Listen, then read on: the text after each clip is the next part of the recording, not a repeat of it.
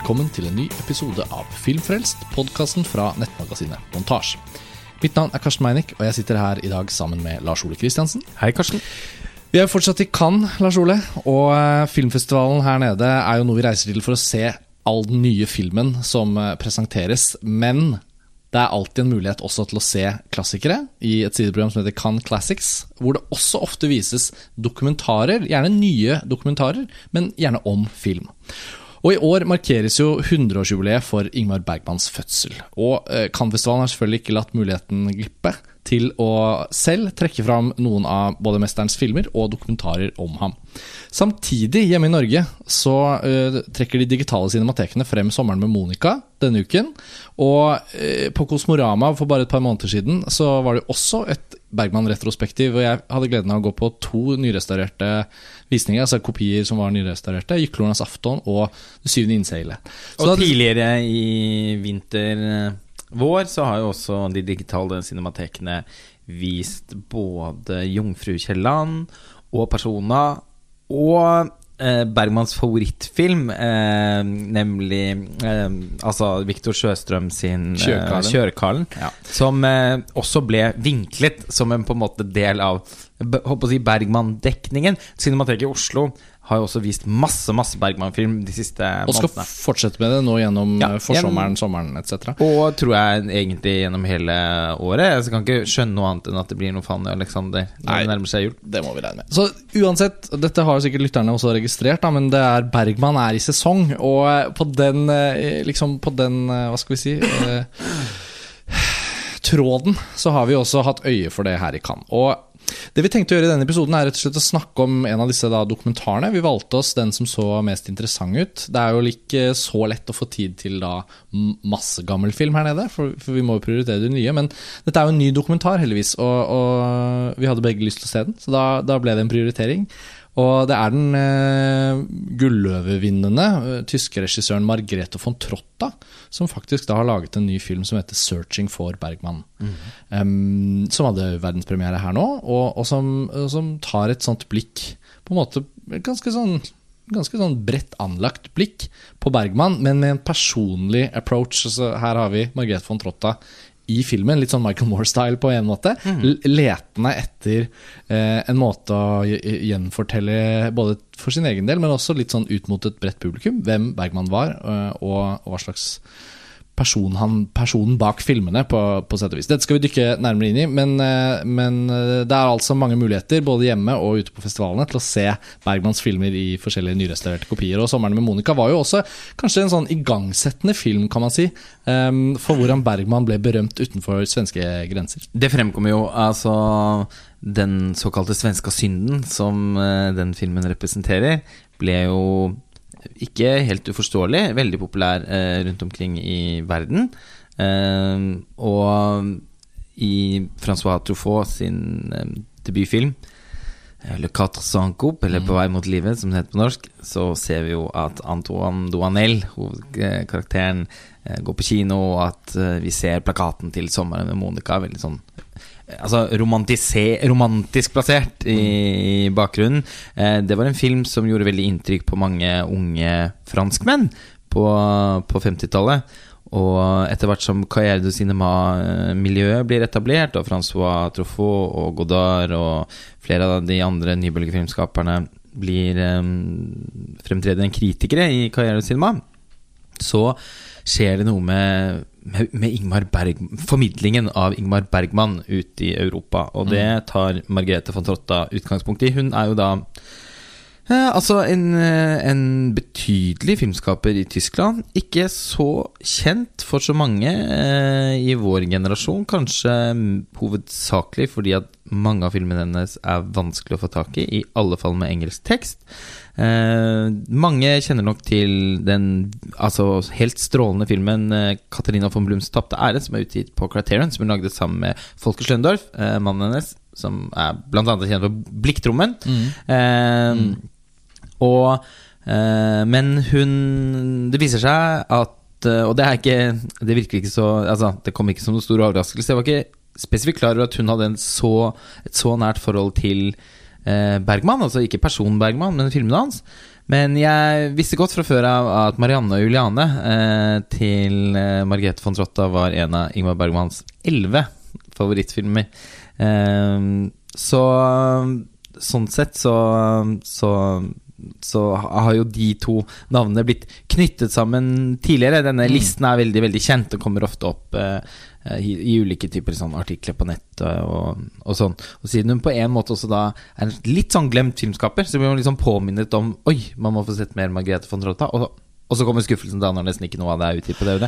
Men Eh, hel- men I hvert fall ikke med engelsk tekst. Men nå fikk jo vi i hvert fall sett hennes aller nyeste film, da, og, Ja. og kan, eh, Hun var for øvrig aktuell på norske kinoer for bare en tre år siden, eller noe, med Hanna Arendt. Det er verdt å nevne. Ja, det er Så hun er men- fortsatt aktiv, og det får man jo definitivt inntrykk av i filmen også. Jeg må bare komme tilbake til det du på en måte Når du sentret over ballen i stad, så ville du vel at jeg skulle si at eh, vi Tidlig i filmen så får vi vite at Margrethe von Trotta i rundt 1960 flytter fra Tyskland til Frankrike, eh, drar til Paris for å bli inspirert. Hun er egentlig en aspirerende skuespiller, men eh, begynner sakte, men sikkert å kjenne at hun blir dratt mot filmen, men da ikke som liksom, potensiell skuespiller, men som regissør. Hun kjenner at det er et eh, kunstuttrykk eh, som, som, som hun kan eh, Ja, som hun ser.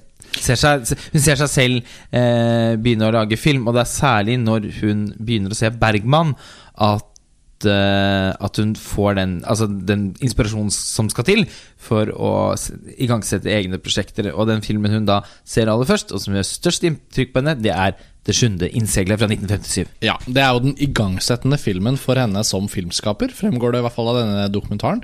Og hun tegner jo da nettopp opp bildet om 'Sommeren med Monica' som en, en, en del av det igangsettende for nybølgefilmskaperne da de var kritikere. Og eh, det er veldig fint illustrert. Altså, det er ikke noe sånn formmessig utrolig dokumentar, dette, men det er en veldig fin film um, som etter hvert bare handler om Bergman, men som i begynnelsen gir oss en vei inn gjennom Margrethe von Trottas egen personlige forhold til det. Da. Så da har hun filmet seg selv eh, i nåtiden, eh, gående rundt i snøkledde gater i Paris. Hun går forbi filmklubbene. Hun, hun, hun, hun har et lite innklippsbilde av et, eh, en utgave av Cahiers du Cinema på nyhets... eh, Altså på aviskioskhyllene, hvor det er eh, Steven Spielbergs The Post på forsiden. Eh, ikke sant? Det er mange sånne markører som er sånn veldig kontemporære. Og så får vi, får vi være med på hennes reise tilbake i tid, da, hvor hun selv var, eh, gikk langs gatene i Paris og, og så det sjuende innseglet på filmklubbene, og innså at selv om hun var skuespiller på det tidspunktet, ville lage film som regissør når enn det måtte skje, da. Og da Derfra så, så bretter filmen seg ut på en måte som gjør at man etter hvert skjønner at den faktisk akter å gi en slags introduksjon til nesten Altså til hele Bergmans karriere, fra og med at han ble kjent så virkelig kjent, da, i Europa. Det er, Ja. ikke, det er jo litt upresist. Den sier at han, altså, sånn, han filmer i Cannes og sånn Ja, hun før forenkler et par uh, ja, men, men det er noe sånn. Uh, Men eh, for henne så er det på en måte da fra 1957 Mm. og framover. Og eh, så blir vi på en måte da brakt gjennom de forskjellige fasene i Bergmans karriere. Eh, med, det er enorme hull her, så det er ikke den fungerer ikke som en, som en sånn leksikalsk innføring, på samme måte som f.eks. den eh, dokumentaren Stanley Kubrick A Life in Pictures, hvor man etter å ha sett den Jeg husker jeg så den da jeg var 16 eller noe sånt, og bare følte at wow, nå er jeg ekspert på Stanley Kubrick. Det var jeg selvfølgelig ikke, Nei. men kunne, da kunne du sitte igjen med den følelsen. Eh, sånn er det ikke her i det hele tatt. Altså, sånn, det er ingenting om på en måte trilogien om Guds tystnad. Eh, det er ingenting om hvorfor han ble mer eksperimentell på midten av 60-tallet. Eh, Fåreperioden med Liv Ullmann. Altså, alt det der er ganske slørete fremstilt. Og den går ikke egentlig inn på noen av filmverkene rent sånn analytisk. Det er ikke, Nei, ikke en an- gjennomgang av hva filmene Nei. faktisk er eller handler om. men hun bruker klipp fra filmene. Veldig kresent utvalgte klipp. Veldig fint. Eh, ofte noen ganske ukjente klipp. Ja, for å illustrere poenger i egentlig på en måte da en, en hennes hyllest. Eh, filmen er jo som et kjærlighetsbrev til Bergman, og som liksom navigerer gjennom karrieren hans etter eh, Ja, da med hennes egen Hennes egne på en måte minner som kart, da. Så eh, Og et par steder så kan man merke at filmen da Altså er tysk, da. Eh, fordi Bergman pga. denne skattesaken altså Han ble jo mistenkt for skattesvindel, hentet av politiet med på Dramaten i Stockholm. Sånn, I 1976 eh, veldig sånn lei sak som gjorde at Bergman ble så Altså opplevde en æreskrenkelse som var så stor at han umiddelbart omtrent valgte å forlate Sverige og flytte til Tyskland. Og ble jo tatt imot som en konge der. Eh, og begynte raskt å gjøre masse teater i Tyskland, og filmer eh, noen svært mislykkede filmer. Og, eller i hvert fall én. Eh, eh, som hans mest sånn beryktede film, das Schlangenei. Eller Ormens egg. Eh, men, eh, han, men han gjorde også Og så var han jo i Norge og gjorde Høstsonaten. Mm. Norsk film ute på Jar. Som er en av de eh, beste filmene hans, syns jeg. Eh, og i hvert fall en tungt anerkjent film. Eh, men så gjorde han jo også denne Ur marionetternas liv, eller Aus Leben der Marionetten i Tyskland i 1980. Så sent som i 1980. Den får ganske mye plass i denne dokumentaren. Ja, for den- Jeg synes det var kult, fordi det er en periode jeg virkelig ikke har satt meg inn i. Nei, den karriere. Veldig spennende film. Den, eh, det er mange år siden jeg har sett den, men den gjorde kjempeinntrykk på meg. Eksperimentell. Eh, særlig til å være såpass sen Bergman. Eh, og veksle mellom sort-hvitt og noen veldig sånn Ja, ikke bare farger, men veldig sånn sterke, nesten sånn fastbinderaktige farger. Blir jo litt sånn en åpenbar assosiasjon bare kanskje fordi det er på tysk, men, det er, men ikke bare derfor. Fordi det ser litt sånn, sånn fastbinder Og Bergman var veldig glad i fastbinder, så han var sikkert også ganske inspirert. Altså Særlig Petra von Kants 'Bitte tårer' er en film man begynner å tenke på når man ser eh, fra marionettenes liv. Men en, eh, og, og ganske sånn eh, mye sånn litt sånn brå Veldig flott, men, men, eh, men en ty type nakenhet som er eh, på en måte egentlig litt sånn sjeldent eksplisitt, men ikke fremstilt på en vulgær måte. Eh, og den er jo da en slags oppfølger til Scener fra et ekteskap. Dette veldig beske paret vi møter i den første episoden av Scener fra et ekteskap, som da er spilt av Jan Malmsjø og Bibi Andersson. Som, det er helt eh, Altså det er noen helt fantastiske scener her. Jeg syns fortsatt det, ved siden av personen, er den aller aller beste rollen Bibi Andersson har gjort. Eh, og det er de vi følger i denne filmen. Det er litt sånn ab abstrakt nesten å tenke på det som en oppfølger, fordi det blir så innmari annerledes eh, når det er på tysk, og de er andre skuespillere, og de er en annen alder. Men, eh, men egentlig så er det en slags sånn en, en vag trilogi her, med Scener fra et ekteskap og Fra marionettenes liv, og Saraband, eh, som jo faktisk også får ganske mye plass i filmen. Ja, det, det er eh, altså 'Searching for Ingmar Bergman', som filmen heter i festivalkatalogen. eh, Den har Den har liksom to fasetter, kan man si. Så jeg kan dele den inn i liksom En ting er at den går gjennom mange perioder i Bergmans karriere og liv. Og hvordan livet hans influerer filmene. Slik Margrethe von Tretta Trotta valg, valgt å fokusere. da Som du sier, så er det mye som er utelatt også. Og den andre liksom, biten man opplever i filmen, er at intervjuene hun gjør med en rekke forskjellige både filmskapere og personligheter og familiemedlemmer i Bergmans familie, eh, de er utformet på en veldig heldig, kreativ måte. Eh, det er ikke så veldig vanskelig valg, men vi snakker jo ofte om sånn, en sånn konvensjon innenfor dokumentarfilmen som 'talking heads'. Og Det er nesten alltid negativt ladet, i hvert fall for de som ønsker seg mer kunstnerisk ambisiøs dokumentarfilm. Eh, dette TV-estetiske som liksom glir over og blør over i dokumentarfilmen på kino. Det von Trotta gjør, er at hun helt enkelt eh, klarer å sette opp seg selv i de intervjuene på en måte som gjør at de føles veldig som møter. Møter med andre mennesker som også er interessert i Bergman, eller som er eksperter, eller som er i familien hans. Og på den måten så, så klarer hun å gjøre sin personlige reise eh, både en slags sånn strukturell metode for dokumentaren, sånn at vi kan liksom følge tråden hennes, men det gjør også at vi får liksom følelsen av at Bergmans forskjellige livsperioder hadde litt sånn forskjellige teksturer.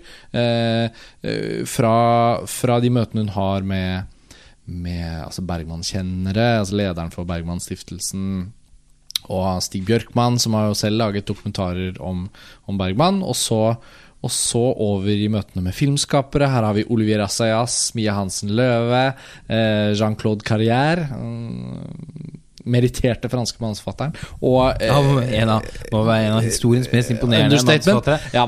Men, eh, og så plutselig er vi der med sønnene til, til Bergman ute på Fårö. Og plutselig så får vi et glimt av Bergmans barnebarn, Halvdan Ullmann Tøndel, en norsk filmskaper som lager kortfilmer nå i dag. En ung fyr som vi også kjenner litt til, og har møtt i Grimstad, og er em, på en måte en, her, en herlig sånn frist pust i filmen på det tidspunktet. Så I løpet av disse forskjellige elementene så klarer på en måte Margrethe von Trotta, selv om filmen føles ganske sånn konvensjonell og sånn Her er en dokumentar til om Bergman. Så syns jeg den var veldig deilig å se, fordi hun klarer å balansere de elementene så bra. Og når det blir den lille avstikkeren til Tyskland, som kanskje ikke er et sånn høydepunkt i filmen, så er det likevel litt fordi at ja, men Det er viktig for henne fordi hun er tysk, og da får man liksom en litt annen vinkling. da Ja, ja, og så, sånn sett så kan man jo si at det er en litt sånn underkommunisert fase av Bergmans karriere, som mange eh, kan, ja, uh, vil gjøre klokt i på en måte å gjøre seg bedre kjent med. Så uh, formidlingsmessig så er jo det egentlig bare fint, også da utenfor, en, utenfor Tyskland. Jeg er imponert over hvordan hun klarer å få de At det egentlig aldri oppleves som talking heads. Jeg, synes jeg, jeg opplever Mm. det som møter. Ja, det Hun er veldig god på, og det handler om Altså Det er en sånn filmspråklig grep, egentlig.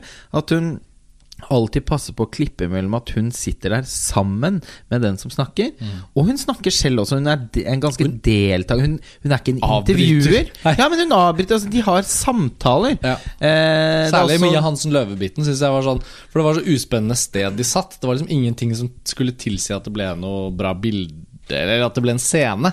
Det kunne bare vært soundbites. det var da. så veldig sånn random. Men jeg syns det kan være litt ålreit. Sånn Nå sitter du i den der megetsigende skinnstolen Ja. eh, med den lampa ved siden av. Jeg synes, Ja. det, ja, det så veldig real ut. Og hun fikk det også til å være ganske upretensiøse møter.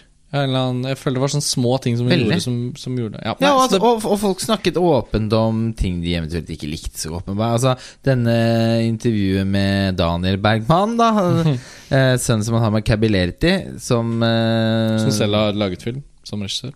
Nei, som er eh, som konsertpianist. Ja, men Nei, altså jeg mener han Daniel. Ja, ja, Han har- ja, ja, han har laget Søndagsbarn. Ja, ikke hun um, En kona. helt- Ja. Ok adaptasjon av eh, Bergmans roman. Han snakket den veldig opp i filmen.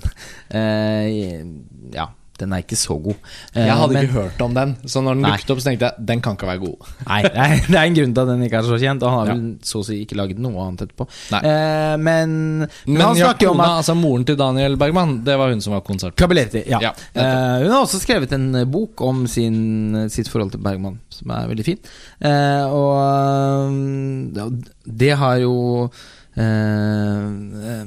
eh, altså, ja de, Det er jo i hvert fall hun som er moren til han eh, Daniel Bergman. Og han forteller mye om hvordan Bergman rett og slett var en uinteressert far. Eh, han var opp, veldig opptatt av barndommen, eh, men, men hovedsakelig i sin fiksjon. Eh, og barndommen som fenomen, og selvfølgelig sin egen barndom, som igjen og igjen og igjen dukker opp i filmene hans. Og aller mest tydelig selvfølgelig da i Fanny og Alexander. Og den vies jo en god del plass også, litt sånn spredt utover, egentlig. Ja. Eh, Jeg syns hun også er flink til å klippe mellom sånn bakom-materiale av Bergman som gir regi, eh, og så rett til scenene fra filmene. Det er jo noen nydelige scener her som er fra den eh, bakom-dokumentaren eh, til Fanny Alexander. Som mm. faktisk Bergman har, er kreditert som regissør for. Ja. Eh, også fint at Katinka Farago får plass i filmen. Hun eh, var jo skripten hans og liksom produksjonsleder etter hvert, og en veldig viktig sånn høyrehånd for, eh, for Bergman. Særlig fra med de liksom, fåreårene. Eh, ute det året jeg, da jeg var på Bergmanvekkan i 2007, når det, som for øvrig da var det siste året han levde. Døde jo et par uker etterpå. Så var, så var jo hun veldig sånn hands on der ute og guidet oss rundt. Og, eh, hun har også skrevet en bok om eh, sin eh, Som også er veldig fin. Om sine erfaringer med Bergman. Så jeg, jeg syns eh, syns hun hadde en veldig god Jeg synes hun ja, liksom at uh, istedenfor å fordype seg i f.eks. Uh, forholdet han hadde med Ingrid Altså den, det, Ingrid Ingrid von Rosen, er det vel hun heter før hun ble Ingrid Bergman. En annen Ingrid Bergman enn den kjente Ingrid Bergman, som, som det er skrevet og snakket veldig mye om. Så er det eksempel bare sånn fint, syns jeg, at eh, relasjonen til Cabilerity og hva den handlet om, og eh, at de fant hverandre gjennom musikken, at det kanskje ikke var egentlig lidenskap, men de hadde det godt med hverandre over en periode, i hvert fall. Uh, at det fikk plass. Eh, Liv Ullmann er jo den første som blir intervjuet. Ja, og det var mindre Altså, det var mindre overraskende, men ikke, ikke desto mer gledelig, fordi hun er jo alltid veldig herlig og Og så har hun så herlig kjemi med Margrethe von Trotta. Ja, det for, da, for, for det fremkommer også i filmen at Liv Ullmann da var den personen som da sto og delte ut Eller var med å dele ut Gulløven til von Trotta i 1981. eh, Som den- i, liksom på Bergmanns vegne. Ja, eh, så det var liksom sånn Det er sånn små eh, Nesten sånn trivia-ting. Altså, ja. som, som rent filmhistorisk helt sånn ubetydelig trivia. Men når man får se det nok en gang, da, i disse møtene, så blir det litt sånn herlig sånn, Liv Ullmann blir jo på ingen måte intervjuet i denne filmen. Hun sitter jo liksom i sofaen sånn side om side med Margrethe von Trotta og fniser og har det gøy. Ja, ja, det... og, og det blir en sånn egen kjemi av det de da sier om Bergman, når settingen er, er etablert på den måten. Det er så, så fint når, når Liv Ullmann kommenterer hva, var, vel- hva, Hvordan var det? Altså, eh, eh, på, ga hun, for hun ga den jo ikke på vegne av Bergman. Det var vel en slags Nei. At hun At, at von Trotta opplevde at Ja. fordi at det var Liv Ullmann, Ja. så var også Bergman der. Nettopp. Og sto bak dem. Det var Nettopp. det. Sånn Eh, og, eh, og så sier hun på et eller annet tidspunkt It was so different back then when, when, when the actors didn't necessarily look like models. We just stood there like two happy girls. Eller så. Veldig, så veldig Med det bildet som Ja, det er sant. Ja. Eh, hvor, så Tenk hvordan det har blitt. Ja, og det tror jeg altså Vi var jo nå på en visning hvor von Trotta ble introdusert. Sto foran på scenen. Thierry Fremont, toujours le cinéma, l'histoire Bonjour à. Ingmar Bergman!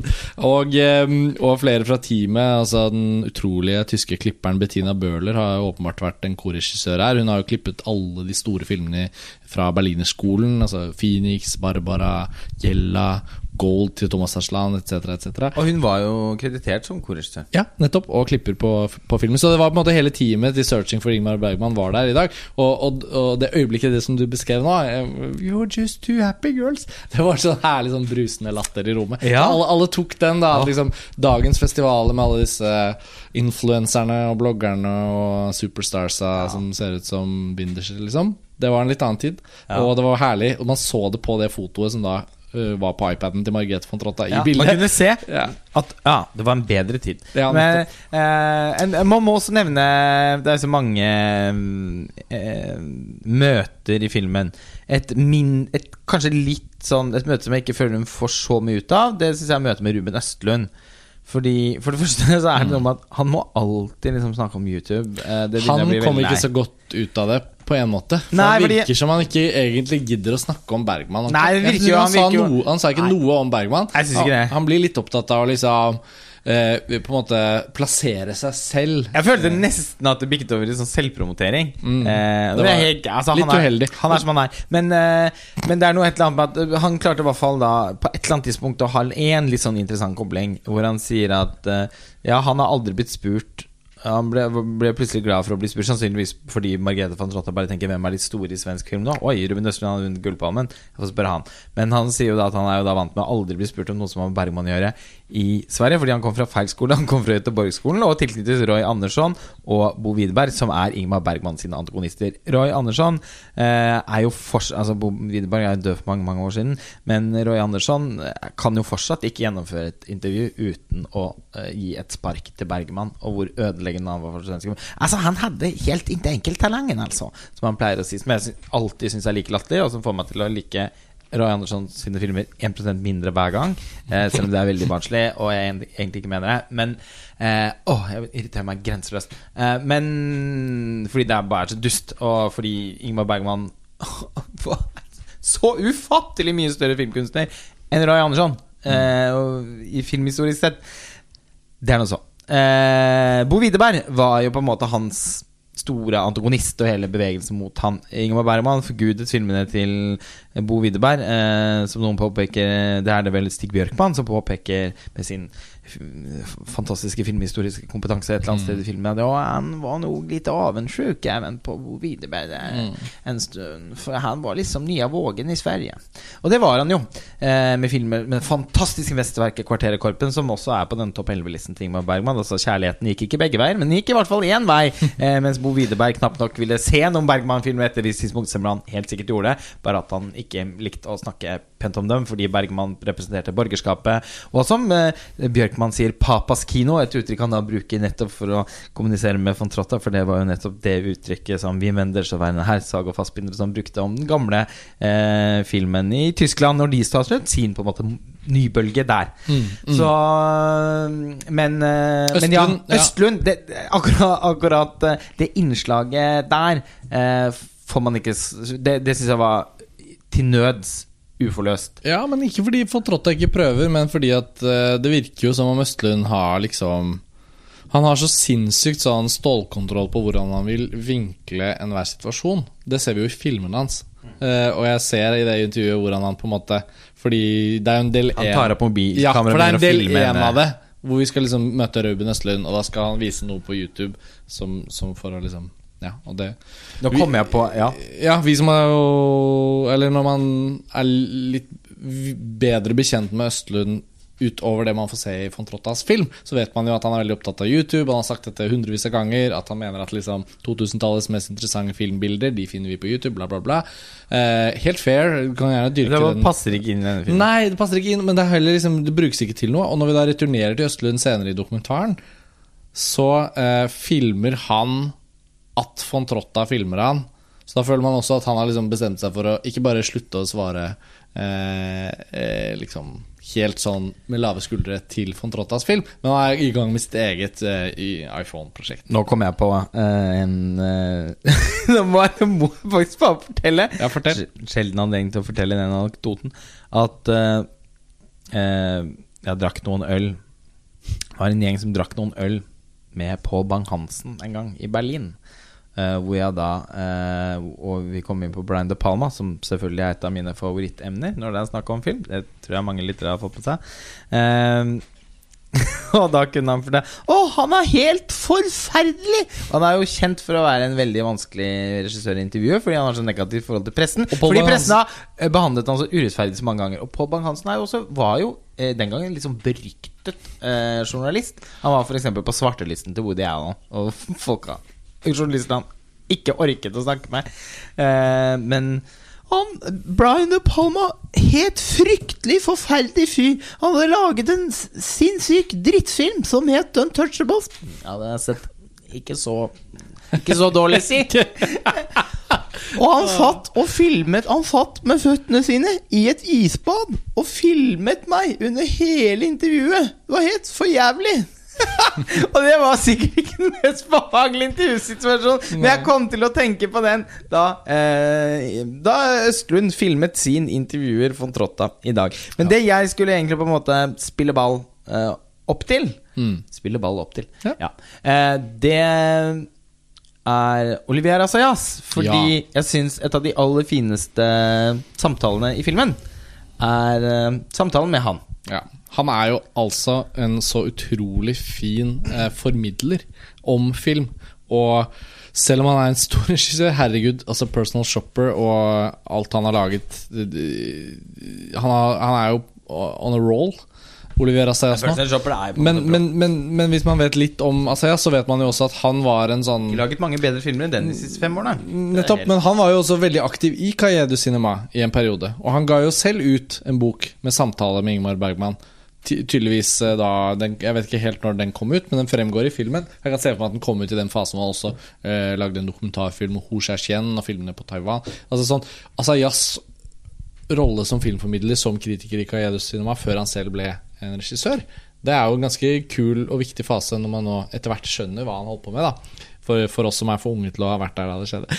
Men han, han er jo også bare så herlig. Han, han, han har en forståelse for film, Asayas, som gjør at når han snakker om noe han elsker, da, Bergman f.eks., så har han eh, evnen til å komme med noen sånne utrolig kloke bemerkninger.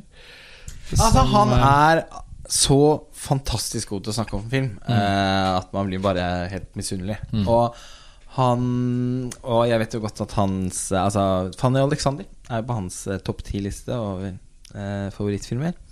Og eh, jeg syns det var så fint at han kom inn på Saraband, og at eh, han erindret hvordan han eh, hvordan Bergman annonserte på etter Fanny Alexander at han skulle slutte med film. At nå var det nok. Eh, og så lagde han denne Efterrepetisjonen, som er en helt nydelig film med Erland Josefsson.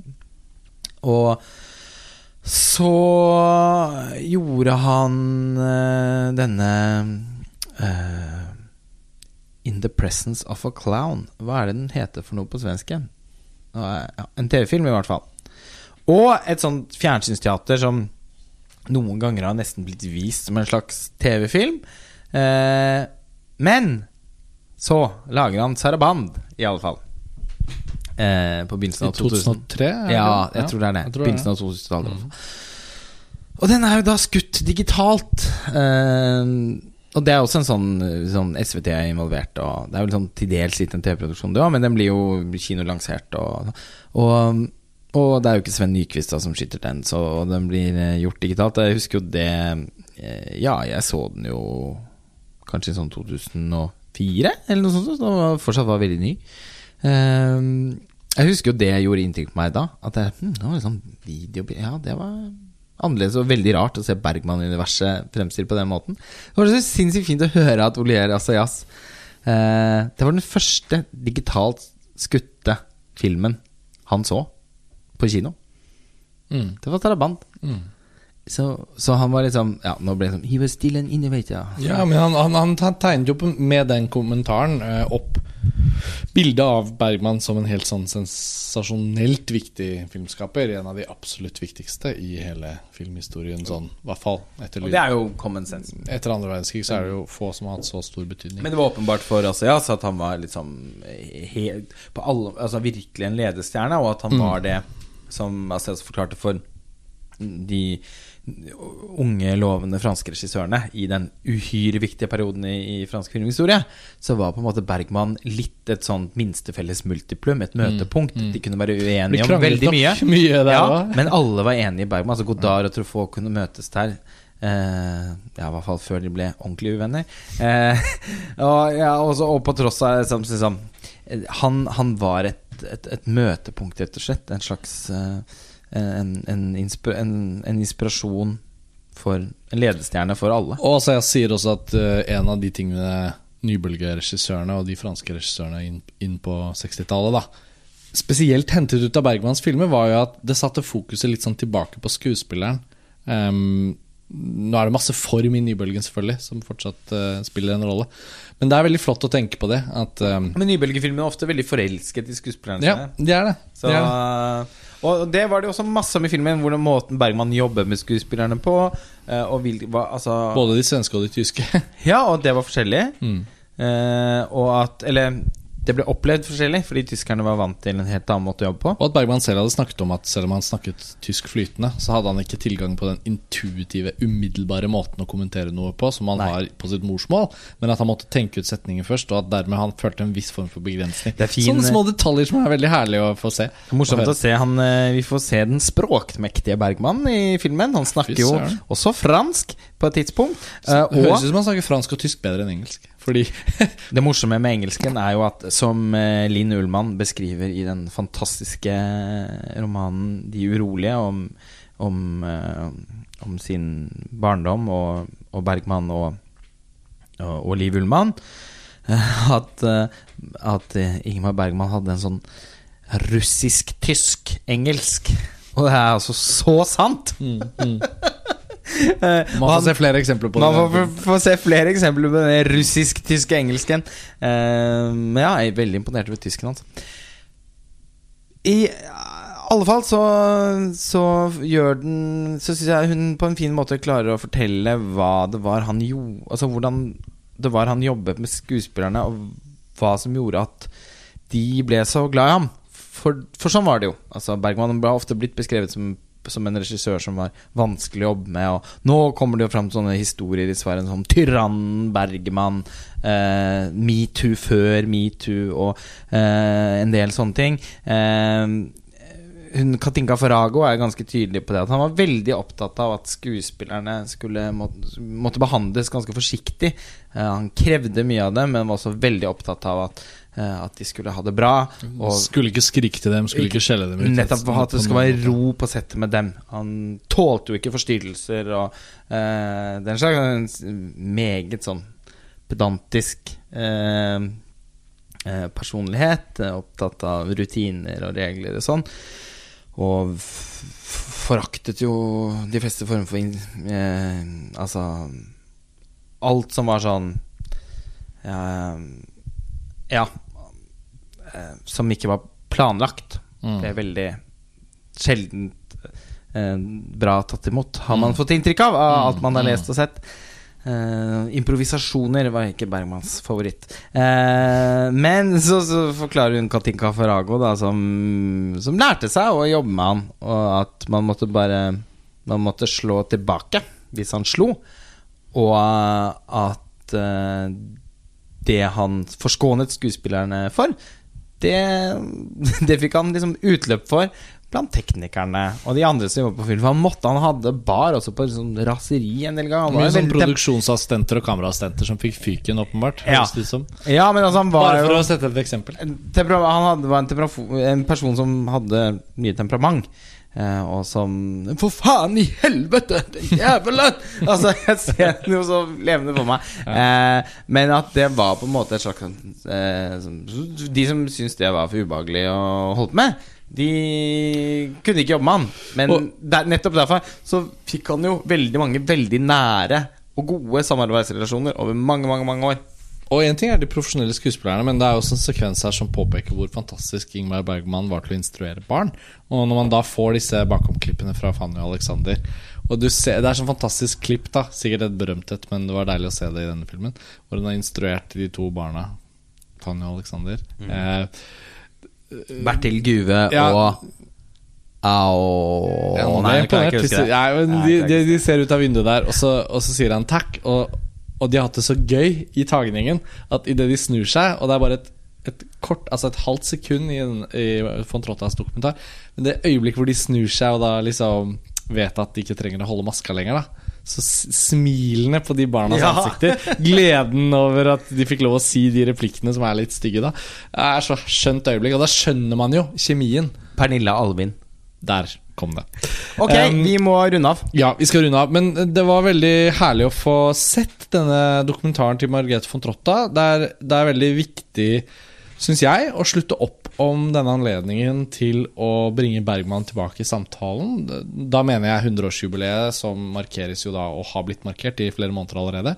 Så det er jo ikke noe sånn det er jo for de fleste som følger med litt, så er det selvfølgelig ikke noen hemmelighet at det har vært visninger på cinematekene og sånn sånn, sånn. Men vi kan jo ikke noe annet enn å oppfordre, og, og sommeren Sommeren med Monica, da, som vi nevnte innledningsvis, og som denne uken er, settes i fokus hjemme i Norge.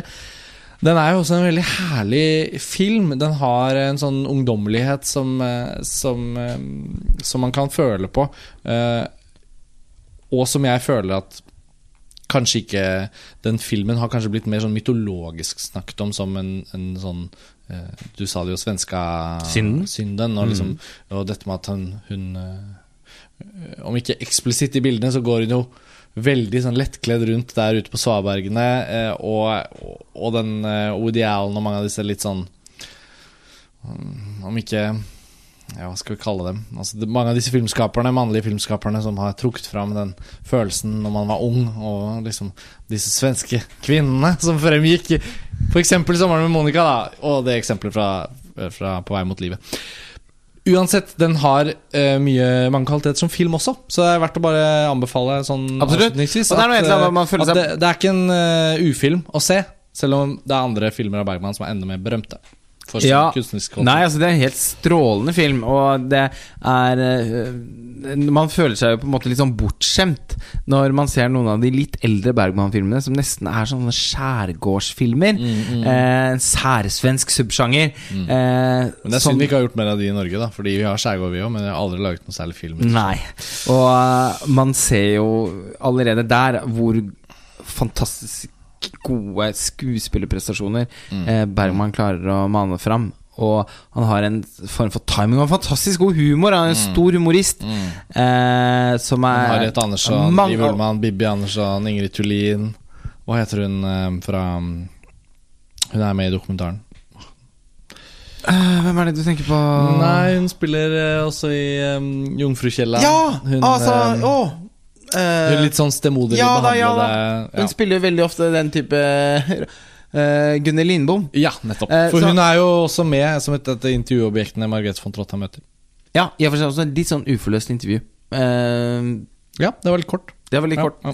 Men, Uansett, men ja, men, ja. Altså, men, men Harriet Andersson primært da i sommeren eh, med Monica. Men det, er, men det er en eh, film som bare Altså, den har så mye overskudd, og, og som sagt, Bergman sin sånn sans for, for humor er, føler jeg ofte er veldig veldig undervurdert. Så filmen er Og den var virkelig et slags internasjonalt gjennombrudd for Bergman. Altså, Filmhistorisk meget betydelig film å ha fått med seg. Vi kommer til å snakke mer om Bergman i senere podkastepisoder i år. Det har vi Bergman lovet er lytterne, og det har vi lovet hverandre, at Ja. vi skal eh, At vi skal komme tilbake til Bergman. Mm. Eh, blant annet så ser vi nok sikkert for oss å gjøre en episode om Fanny Alexander Det er veldig, når, eh, når julen ringes inn, men også før den tid. Er man sulten på mer, så fins jo denne veldig omfangsrike dialogartikkelen om Persona, som nylig ble publisert på montasje. Den fins jo der ute, etc., etc. Så det er bare å, å gå og hugge tak i det som fins eh, av Bergman-relatert innhold, for de Ja. som har lyst på mer. Men dette var i hvert fall eh, vår da kombinerte Kan-podkast om 'Searching for Ingmar Bergman' av Margrethe von Trotta, og en liten, et lite vink til de der hjemme som har muligheten til å gå på cinematekene og se 'Sommeren med Monica'. Vi er straks tilbake med nye festivalepisoder fra Cannes. Det var det for denne gang. Takk for nå. Takk for nå, og ha det bra.